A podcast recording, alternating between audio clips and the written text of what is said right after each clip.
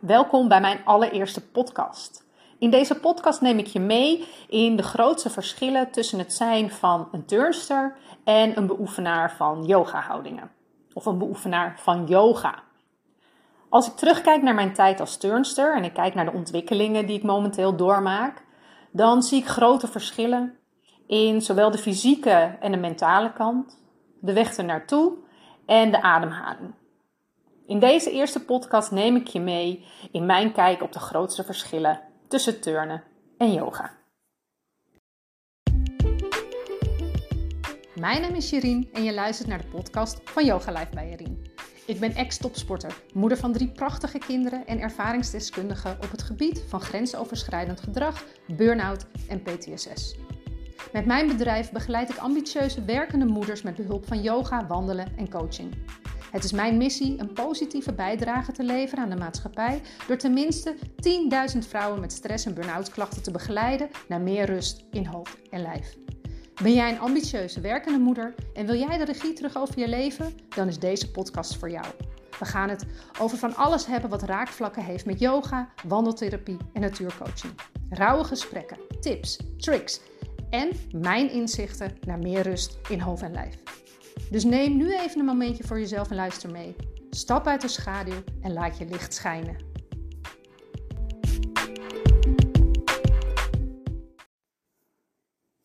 Ja, daar zit ik dan, mijn eerste podcast. En hoe begin je nou zoiets? Nou, ik dacht, ik ga maar gewoon beginnen. En ik neem je daarom mee in de grootste verschillen die ik heb gezien als turnster en nu het beoefenen van yoga.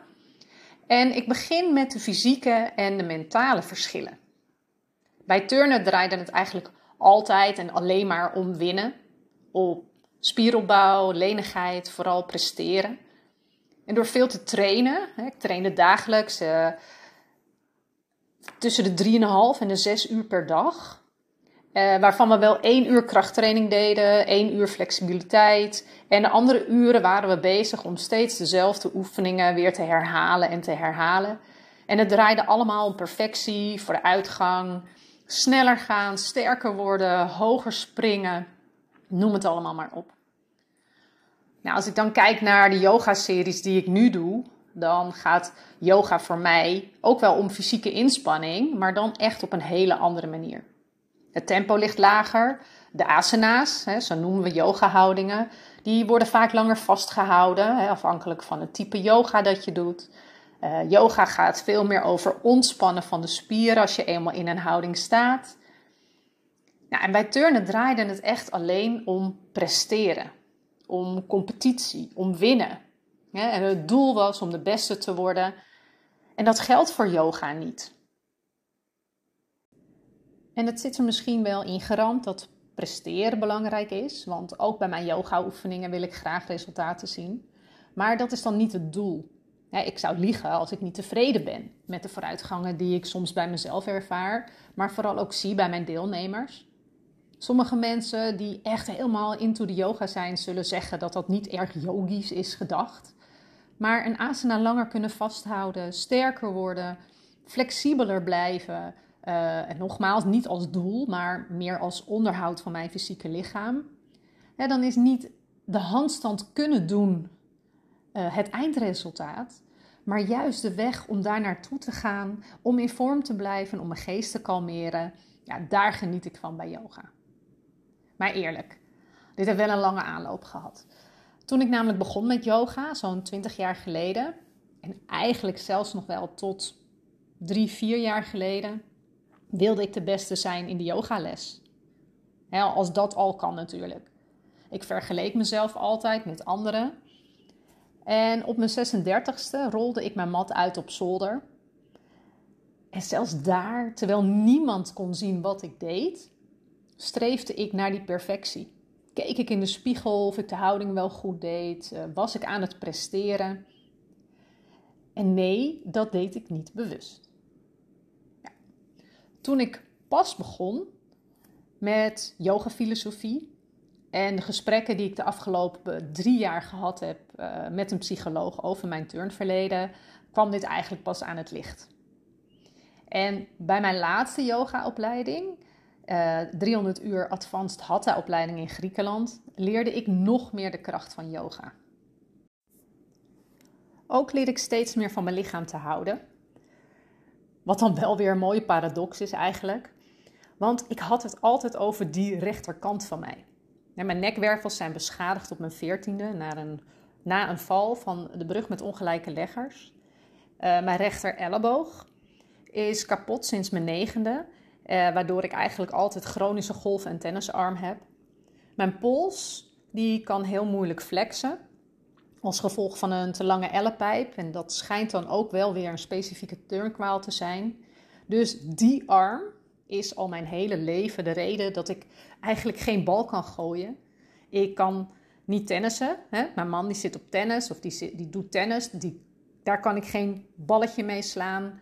Ik kan niet badmintonnen met mijn kinderen op de camping. Uh, mijn jongste dochter die zit op hockey. En ik kan eigenlijk met de stick ook helemaal niks.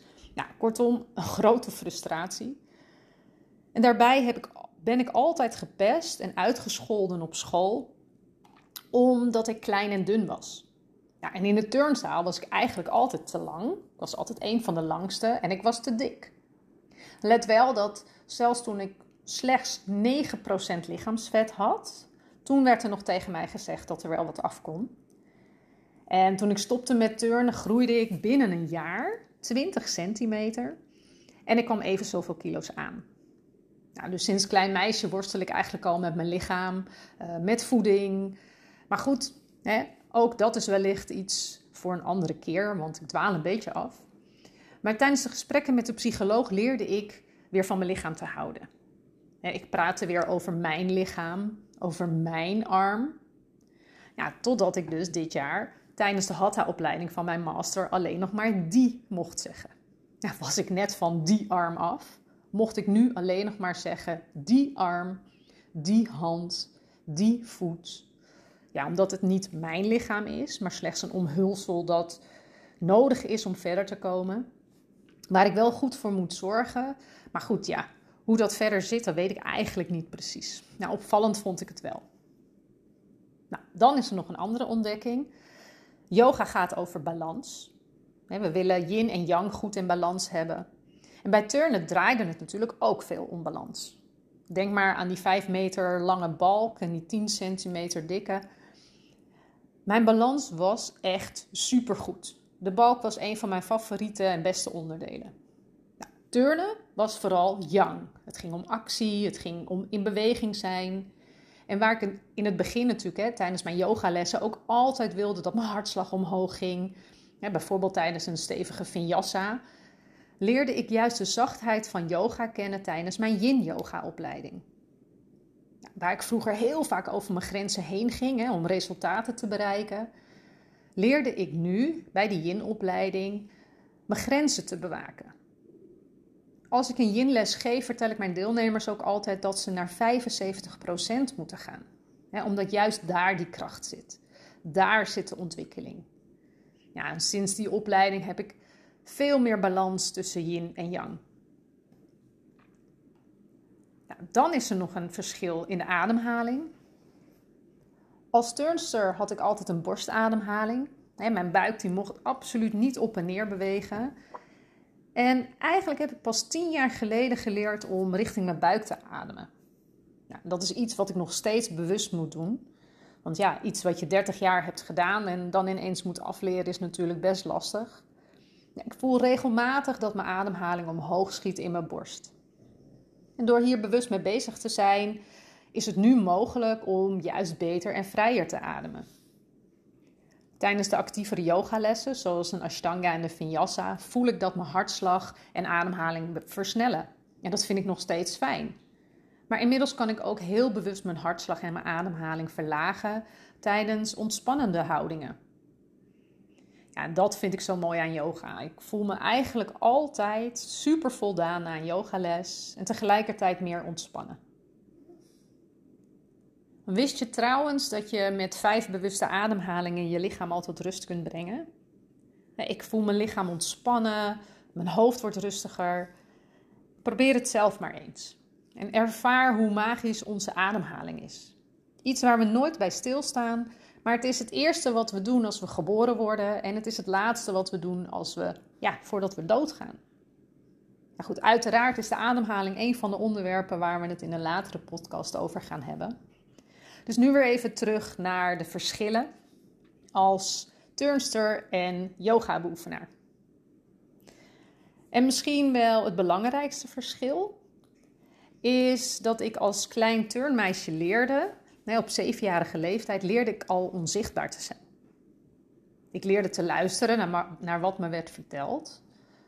Ik leerde te voldoen aan verwachtingen. En tegelijkertijd leerde ik dat ik eigenlijk alleen maar teleur kon stellen.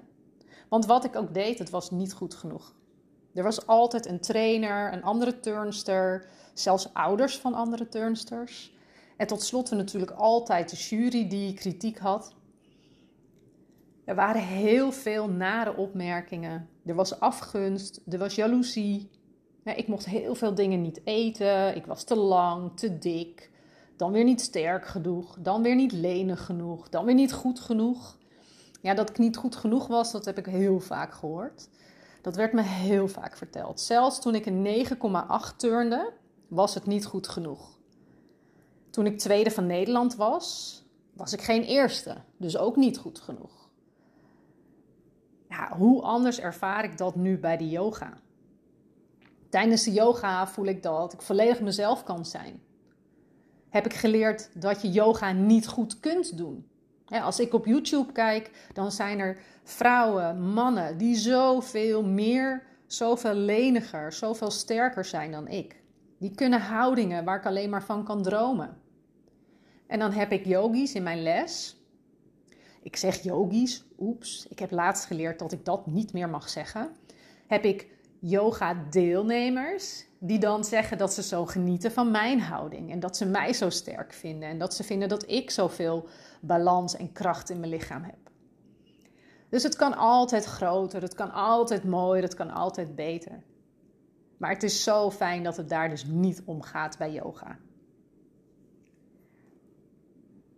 Waar ik als kind hoorde dat ik dus niet goed genoeg was, is dat op, op de mat wel het geval.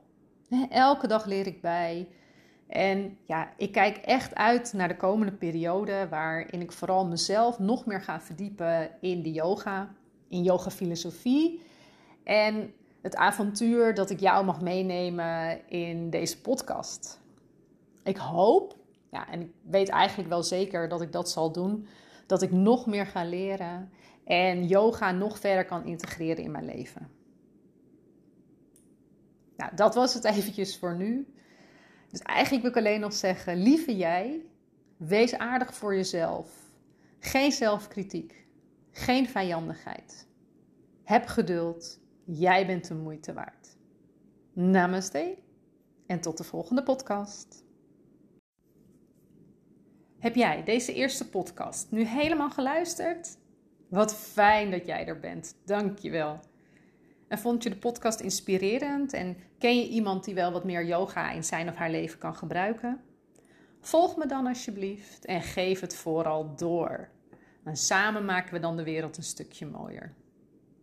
Dikke knuffel van mij.